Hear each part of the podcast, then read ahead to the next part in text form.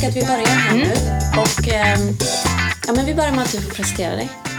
Ja, ska, och Vad då du säger, är. jag är- är- heter Linda Spåman och är en konstnär. Men jag har ju också blivit en spådam ofrivilligt. Så, och nu är jag rädd att jag har blivit det på heltid. jag, så jag vill ju vara konstnär, jag vill ju vara seriös konstnär. Men tarotkorten har tagit över mitt liv. Jag tänkte på det i och med att du spår så mycket nu. Du har liksom aldrig funderat på att ta det vidare? Typ, för det, man är ju lite, lite halvterapeut eller så psykolog. Eller du har aldrig lockats av... Jo, men absolut. Men jag orkar ju inte gå, eller jag kollar på sån här utbildning och tänker då kanske man ska söka in på universitetet. Så har jag ju redan använt upp mitt studielån så det känns som att och sen kanske jag inte kommer in heller.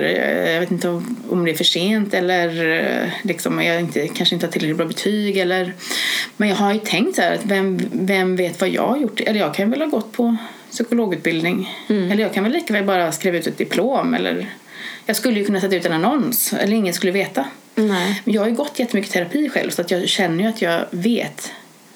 Sen så, jag har ofta tänkt att jag ska bli nagelterapeut för jag tänker att jag har sett hur de gör och så tänker jag lite med också Vanlig. vanlig terapeut. Ja.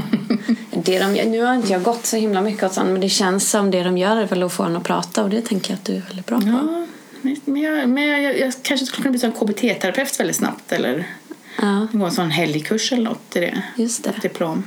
Men du är lite sugen på det? Jag är jättesugen. Men eh, det var så många andra saker jag vill göra först. Så. Nej, men egentligen det som jag drömmer mest om nu det är faktiskt att jag ska flytta till Varberg och öppna ett eh, psykedeliskt retreat. Wow.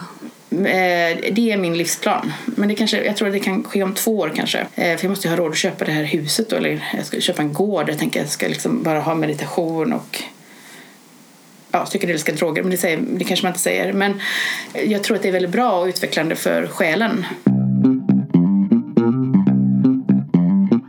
Jag har ju bott lite i Kina då och där har jag varit som en jag har varit så ensam när jag varit där så jag har varit som lite seriedejtare.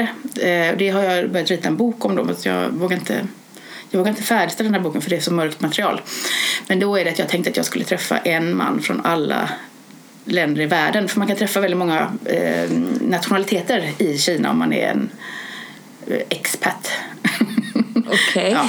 Så detta började med kanske 2010 då och så liksom har jag gjort som en dagbok. Så så jag tänkte att jag var Carl von Linné då lite, fast liksom i mans... Eh, för det började med att jag träffade en jättekonstig amerikan.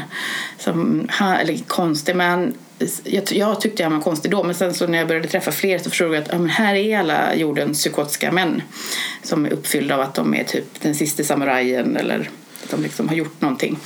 Eh, även om de bara är en engelska lärare som min kinesiska vän Baby skulle säga att man watch out for English teachers.